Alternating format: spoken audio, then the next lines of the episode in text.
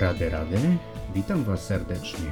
Ja mam na imię Gopikanta, a Wy oglądacie kanał Boska Energia, gdzie mówimy na poważnie, a czasami na wesoło o duchowości wschodu, filozofii Gaudia Wisznoickiej, Raganuga Bhakti, żeńskim aspekcie absolutu i o tym, z czym to wszystko się je.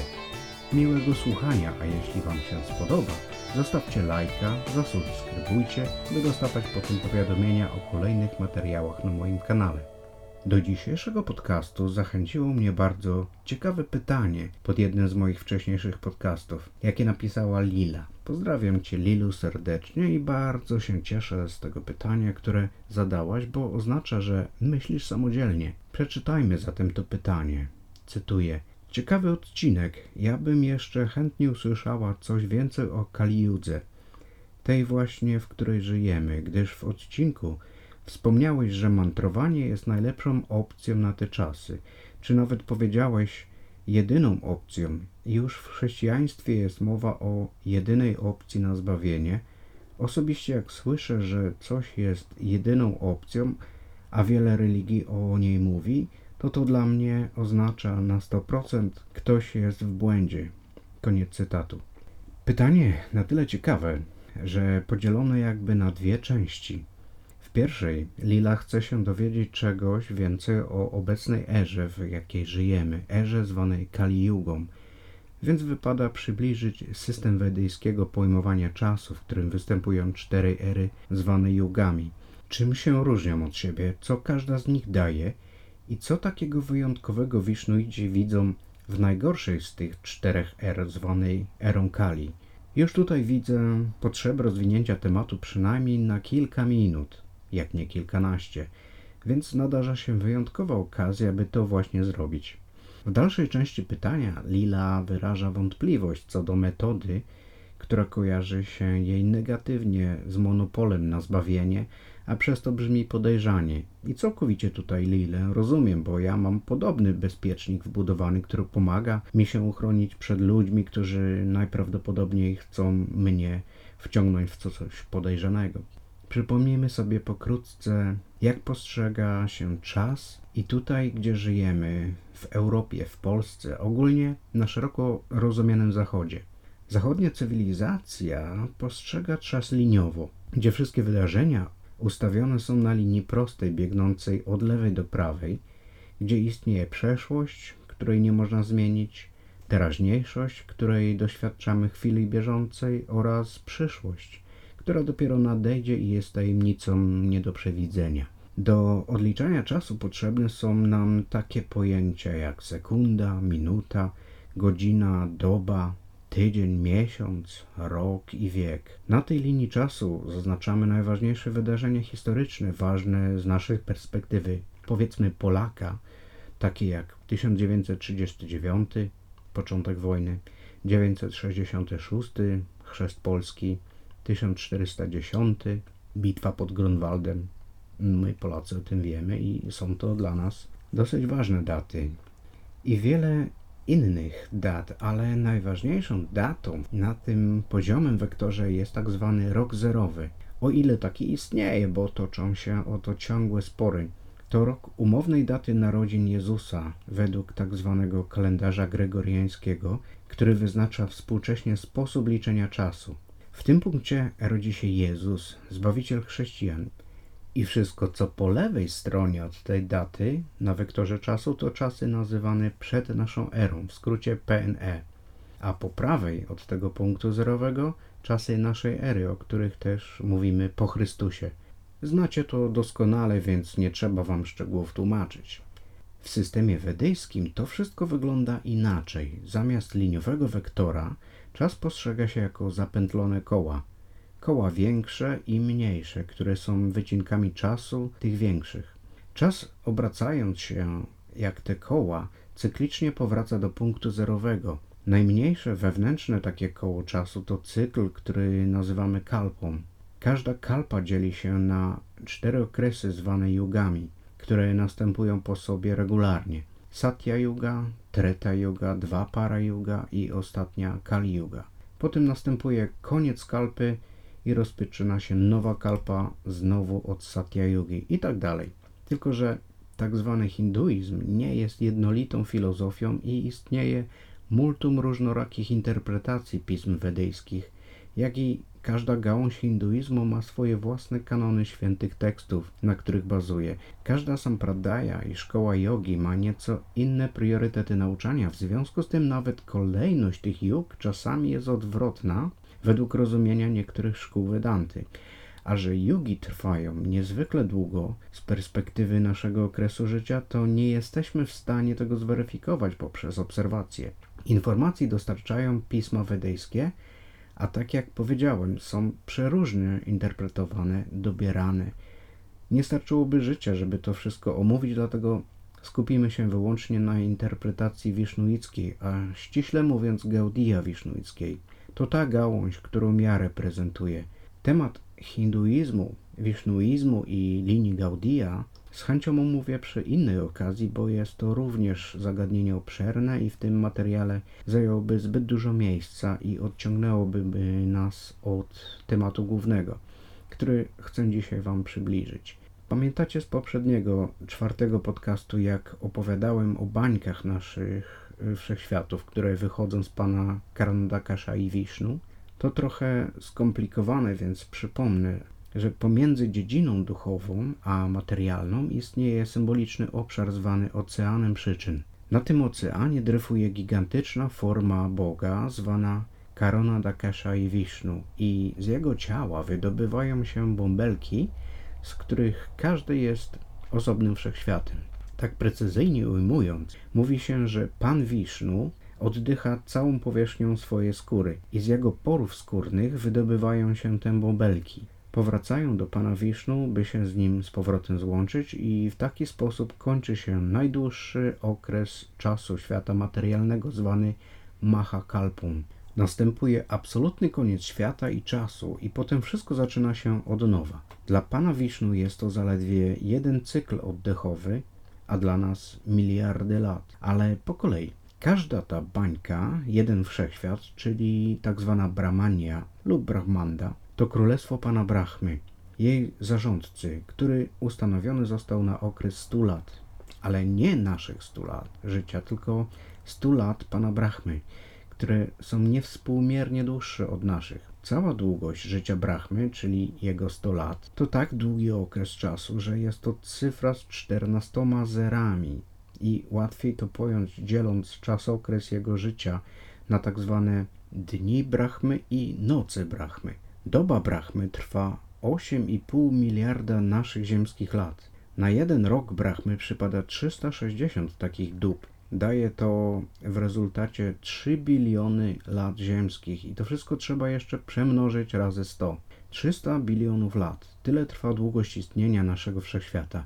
Oczywiście w przybliżeniu. Nowy oddech Pana Wisznu następuje dopiero po 100 takich latach Brahmy, gdzie cykl czasu się zamyka. W Bhagavad Gita, 8 rozdział, 17 i 18 werset, powiedziane jest, że zgodnie z ziemską rachubą czasu jeden dzień Brahmy trwa tysiąc epok. Jedna epoka trwa 4 miliony 300 tysięcy lat słonecznych, z których każda składa się z czterech wieków. Tak samo długo trwa noc Brahmy. Brahma żyje 100 lat, a następnie umiera. Brahma zazwyczaj jest wielkim baktą Pana i dlatego po śmierci osiąga wyzwolenie. No, zazwyczaj. Wszechświat nazywany Brahmandą, czyli kolistą przestrzenią kontrolowaną przez Brahmę, ulega wtedy unicestwieniu, a zatem ulegają unicestwieniu także i wszyscy jego mieszkańcy, ale i wewnątrz takich Brahmandy również następuje cyklicznie koniec świata, który oddziela poszczególne podokresy życia Brahmy. To się dzieje zgodnie z cyklem dobowym pana Brahmy. W czasie dnia następuje proces stwarzania, a nocą pana Brahmy stopniowo ulega to unicestwieniu. Pod koniec nocy Brahmy ma miejsce ponowne stworzenie i żywe istoty jakby po obudzeniu z głębokiego snu na nowo otrzymują możliwość odgrywania swoich ról w tym właśnie świecie, ponieważ żywe istoty nigdy nie ulegają destrukcji, Unicestwienie świata materialnego nie powoduje końca ich egzystencji, dopóki nie osiągną wyzwolenia. Muszą rodzić się w coraz to innych ciałach. Taki dzień Brahmy inaczej nazywa się kalpą. Z kolei kalpa składa się z 71 Mahayug, które są tymi wewnętrznymi, mniejszymi kołami czasu. Jedna Mahayoga składa się z kolei z czterech yug o zróżnicowanej długości trwania i tutaj dopiero się zatrzymamy, by powiedzieć więcej o każdej z czterech cyklicznie powtarzających się takich yug. Trudne i skomplikowane to wszystko, prawda? Wybitnie ścisły umysł jest w stanie to wszystko sobie poukładać, a ja niestety nie należę do ludzi o ścisłym umyśle, dlatego możliwe, że popełniłem błędy w obliczeniach. Jeśli się pomyliłem, to napiszcie mi w komentarzach, co konkretnie skwasiłem, a ja przejmę krytykę jak Azorek przełapany na tym, że właśnie zeżar kostkę margaryny. Dobrze, to teraz już wiemy mniej więcej, czym są mahajugi w ogólnej rachubie czasu wszechświata i że w każdej mahajudze są cztery jugi. Powiedzmy sobie trochę więcej o tych jugach, bo one bardzo się różnią od siebie. Pierwsza z nich to Satya Yuga, era oświecenia i samorealizacji, zwana inaczej złotą erą. Czas, w którym ludzkie istoty żyją wyjątkowo długo, bo około 100 tysięcy lat w harmonii i względnej przyjaźni, poszukując oświecenia i spełnienia w medytacji. I to właśnie medytacja dla tej ery jest procesem przewodnim. Mówi się nieoficjalnie, że aby istota ludzka powróciła do Boga, musi spędzić w Satya Yudze około 60 tysięcy lat na medytacji. Wtedy ludzie tak długo żyli, pamięć mieli idealną, możliwości ich umysłu daleko przewyższały nasze możliwości, bo potrafili się porozumiewać na platformie duszy i nie tracili koncentracji w tym, co robili przez aż tysiące lat. Dzisiaj tracimy koncentrację nawet po trzech sekundach, a filmy i reklamy składają się nierzadko z ujęć trwających pół sekundy do trzech sekund, właśnie byśmy nie popadali w nudę podczas oglądania. Wyobraźcie sobie, jak wielka to różnica. Czas trwania Satyogi to 4 razy po 432 tysiące lat. Po niej następuje Treta Yoga, zwana inaczej erą srebrną. Okres trwający o 1 czwartą krócej, bo 3 razy po 432 tysiące lat. Jest to era, w której ludzie żyli również we względnej harmonii, ale była to harmonia nieco niższa jakościowa niż w poprzedniej erze. Średnia długość życia ludzkiego wahała się w przedziale 10 tysięcy lat, a procesem przewodnim do osiągnięcia perfekcji był system składania ofiar ze zwierząt. Tylko żebyśmy nie wyobrażali sobie, że był to czas okrucieństwa. Te zwierzęta były przywracane do życia dzięki potężnym mantrom wypowiadanym przez potężnych mocą braminów. A skoro o braminach wspomniałem, to właśnie wtedy został wprowadzony system kastowy, który w tamtych czasach funkcjonował idealnie na zasadzie czystej współpracy. Ja to sobie wyobrażam tak, że najniższa kasta siódrów byli to ludzie klasy porównywalnej do dzisiejszych braminów, czyli ludzi najwyższej kasty. W Treta Judze ludzie cieszyli się przyjemnościami zmysłowymi w sposób bardzo czysty i nieszkodliwy. Trzecia z kolei era to dwa para yuga, zwana erą brązu. Oczywiście nie ma to nic wspólnego z tak zwaną epoką brązu według zachodnich antropologów. Dwa para yuga trwała odpowiednio krócej o kolejną jedną czwartą pierwszej ery, czyli dwa razy po 432 tysiące lat, a długość życia ludzkiego skraca się do średnio tysiąca lat. Taka dygresja mi się nasunęła, że Biblia opisuje te czasy jako okres przedpotopowy, gdzie pierwsi patriarchowie żyli właśnie około 960-900 lat i stopniowo ich czas życia skracał się z każdym następującym pokoleniem, aż do czasów potopu, gdzie górny pułap życia ludzkiego sięgał zaledwie 120 lat. Nawet czas pojawienia się tego biblijnego potopu w przybliżeniu zgadza się z końcówką wedyjskiej Dwaparayugi i przejściem w erę czwartą. W Dwaparayudze przewodnim procesem zbliżania się do Boga było wielbienie bóstw i wysokiej klasy rytuały świątynne. To właśnie w tej erze pojawiły się pierwsze niedole życia materialnego, ale były to nieporównywalnie mniejsze niedole niż dzisiaj. Mówi się, że wówczas wypełniano zaledwie połowę obowiązków religijnych. No i w końcu następuje czwarta era, czyli Kali Yuga, inaczej zwana erą żelaza. A my nazywamy ją epoką udręki, kłamstwa i hipokryzji. Ostatnia Kali Yuga zaczęła się prawdopodobnie w 3102 roku przed naszą erą, czyli można obliczyć, że dziś, w roku 2021, trwa ona od 5123 lat. A to dopiero jej początek, bo ogólnie ma trwać 432 tysiące lat i jakość oraz długość życia ma ulegać stopniowemu upadkowi aż do jej końca. Trudno sobie wyobrazić, jak nieznośne życie będzie pod sam jej koniec, dlatego Wedy polecają jak najszybciej wyzwolić się z tego świata materialnego, by doświadczyć jak najmniej udręk i nie odradzać się wciąż na nowo w coraz gorszych czasach. W tym celu Kali Yuga dostała szczególny przywilej bardzo łatwego procesu osiągnięcia celu życia i jest nim słuchanie opowieści o rozrywkach Pana, tak zwanych lila oraz mantrowanie, czyli powtarzanie świętych imion, które jest najszybszym procesem. Nie jest powiedziane ile to ma trwać, bo to wciąż zależy od jakości wypowiadanych mantr, czyli zaangażowania w to serca. Można się wyzwolić w ciągu pięciu lat, ale też inni będą potrzebować na to przynajmniej 15 kolejnych inkarnacji w ciele ludzkim.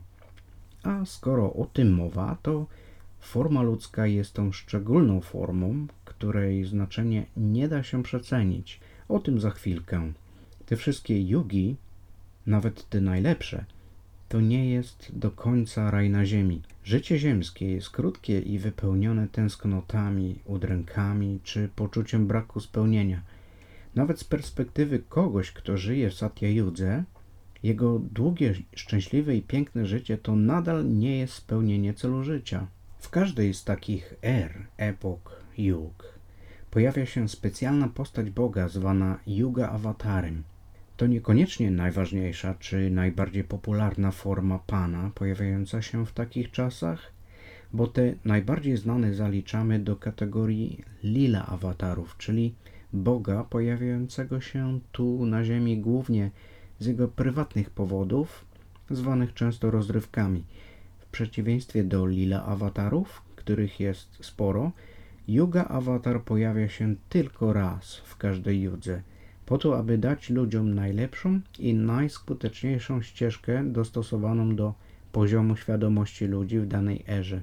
I jako, że hinduizm jest wielki, różnorodny i niespójny niestety, to każda szkoła filozoficzna podaje inne imiona i formy Pana jako te, które przyniosły Yuga Dharmę, czyli religię najbardziej rekomendowaną w danej judze.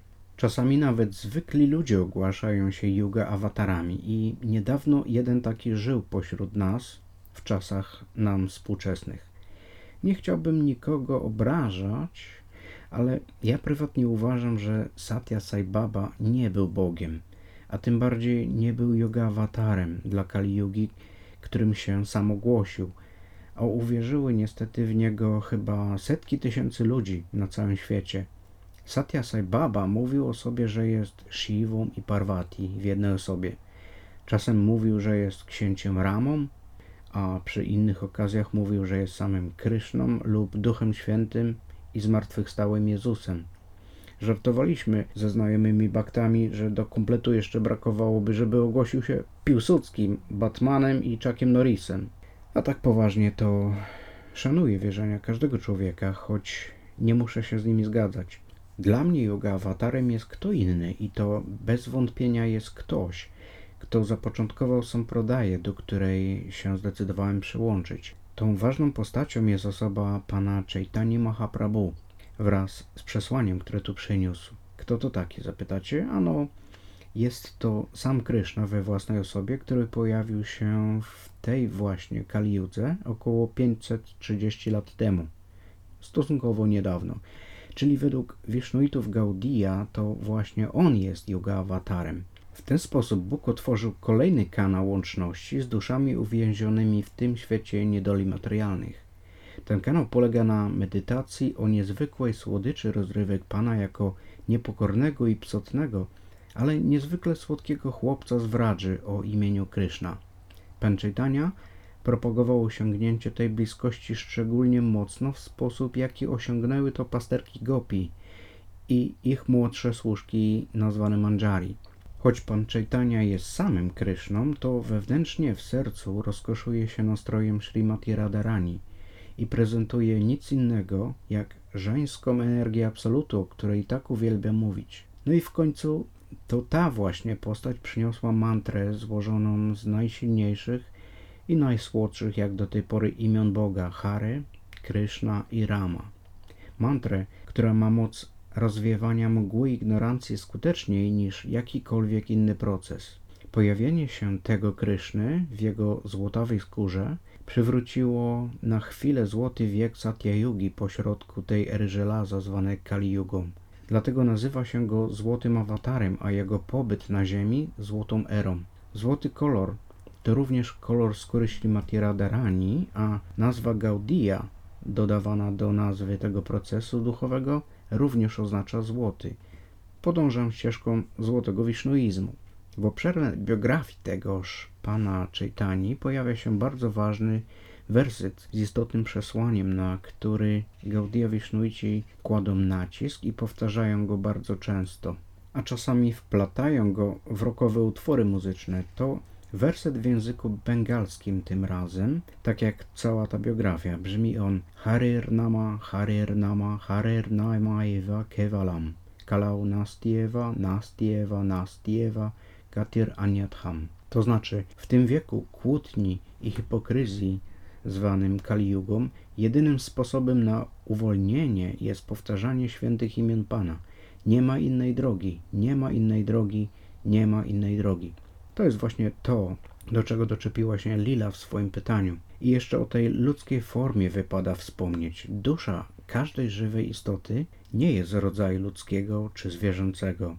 To zawsze te same dusze, Ciała, w których żyją, to coś w rodzaju garnituru lub pojazdu, w którym taka osoba się porusza i spełnia swoje przeróżne cele życiowe. W zależności od rodzaju nagromadzonej karmy otrzymuje różne rodzaje ciał. Są to ciała zwierząt, roślin, właśnie czasem ciało ludzkie, jak i ciała, które są wyższej jakości i żyją dłużej, na przykład ciała istot niebiańskich półbogów czy ćwierć bogów. Lecz tylko ciało ludzkie jest bramą do świata duchowego. To znaczy, że tylko żyjąc jako człowiek można się pozbyć karmy poprzez wypalenie jej mocą świętych imion. Nawet półbogowie nie osiągają wiecznej siedziby Pana inaczej, jak poprzez przyjęcie ponownych narodzin w gorszym, słabszym i o wiele krócej żyjącym od swojego ciele człowieka. To życie, które mamy, jest może nie jedyną, ale dość rzadko spotykaną szansą na powrót do Boga. Szansą, której dusze uwięzione w ciałach zwierząt lub półbogów nie dostępują. Szanujmy to życie i zróbmy z niego jak najlepszy użytek. Takie jest przesłanie naszych nauczycieli. Do tego również ja Was zachęcam, a jak to zrobić, to też podpowiadam co chwilę w moich materiałach. Teraz odniosę się do drugiej części pytania Lili. Ma ona wątpliwości co do stwierdzenia, że mantrowanie jest jedyną drogą na tą erę. Powiem tak, my, Wisznuici, ogólnie tworzymy społeczność bardzo tolerancyjną pod wieloma względami. Wynika to z tego, że cała nasza filozofia wisznuicka dopuszcza prawdziwość innych koncepcji Boga. Uważamy, że chrześcijaństwo, judaizm, islam i inne drogi do Boga są w pewnym sensie równie prawdziwe jak nasza własna religia. Ogólnie nie ma większego znaczenia, czy należysz do tej czy innej religii, podążasz tym czy innym procesem zbliżania się do Boga. Chodzi przede wszystkim, żebyś był lub była dobrym człowiekiem, uczciwym człowiekiem i wrażliwym. Można to osiągnąć na wiele sposobów, nawet jako ateista, podejrzewam. Przed ludźmi w czasach Kaliugi otwierają się różne możliwości i ścieżki, ponieważ nieoficjalnie uważamy, że nasz jedyny Bóg pojawia się w różnych kulturach pod innymi postaciami i imionami, dając najbardziej dostosowany dla danego społeczeństwa proces realizacji zwany religią.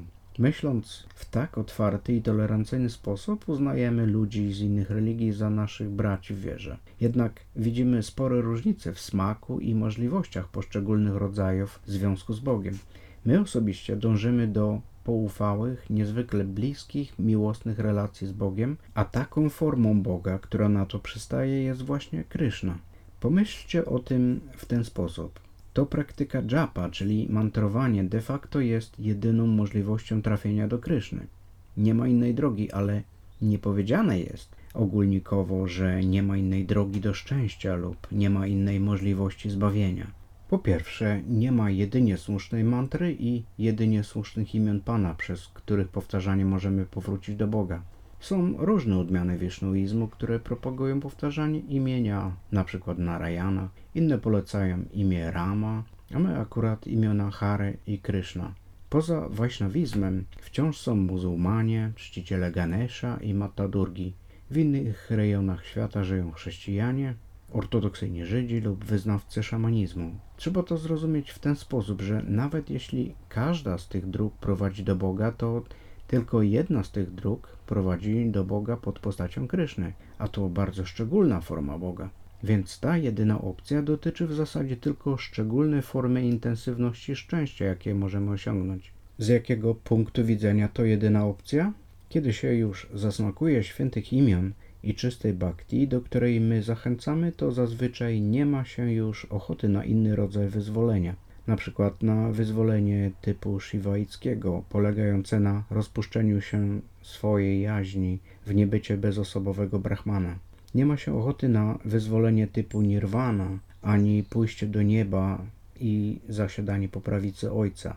Owszem, są to opcje dostępne do wyboru i osiągnięcie celu jest również możliwe, ale my, Wisznujci Gaudia, wybieramy drogę mieszkańców Wradży, towarzyszy słodkiego i niesfornego Boga, tego samego Boga, co w innych religiach, ale pod postacią właśnie Kryszny. Każdy ma prawo nieco inaczej sobie wyobrażać zbawienie, natomiast dla Wajsznawy żadna z innych opcji nie liczy się tak bardzo jak relacja czystej miłości z Bogiem a taką właśnie osiąga się poprzez powtarzanie jego słodkich imion. Wajsznawa zna coś o wiele piękniejszego do zdobycia niż to, co proponują inne ścieżki. Czystą miłość, ekstazę szczęścia i odczuwanie rozkoszy z możliwości bezpośredniego przebywania i rozmawiania z osobowym Bogiem.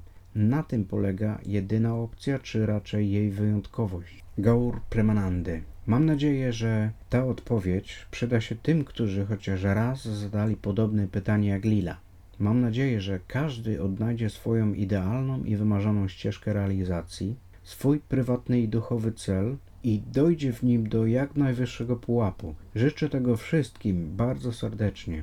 Podczas przygotowywania się do tego odcinka czerpałem z ciekawej i konstruktywnej rozmowy z Krishna Kirtanem z kanału Krishna Kirtan In oraz ze stron internetowych takich jak Akademia Edu, Astrologia Yogamaya.pl, Iskon Desire Tree, troszkę z Wikipedii, z artykułu Kazimierza Borkowskiego o hinduskiej rachobie czasu, a przede wszystkim na wiedzy z książek napisanych przez mojego mistrza duchowego Srila Bhaktivedanta Narayana Goswamiego Maharaja. Na koniec jeszcze chciałem Wam przypomnieć, jak zawsze o tym, że ważna jest dla mnie każda Wasza subskrypcja, łapka w górę i komentarz zostawiony poniżej.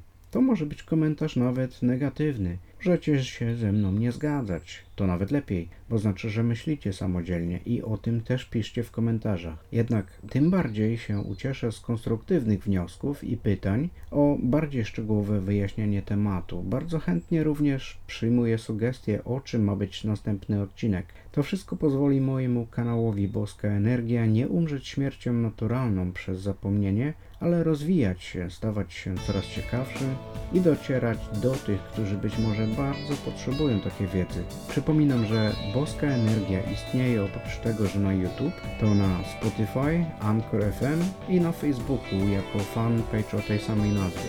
To tyle na dzisiaj. Do zobaczenia lub usłyszenia już niedługo. Trzymajcie się i nie dajcie zgasnąć tej boskiej energii, która w Was mieszka. Rady, rady!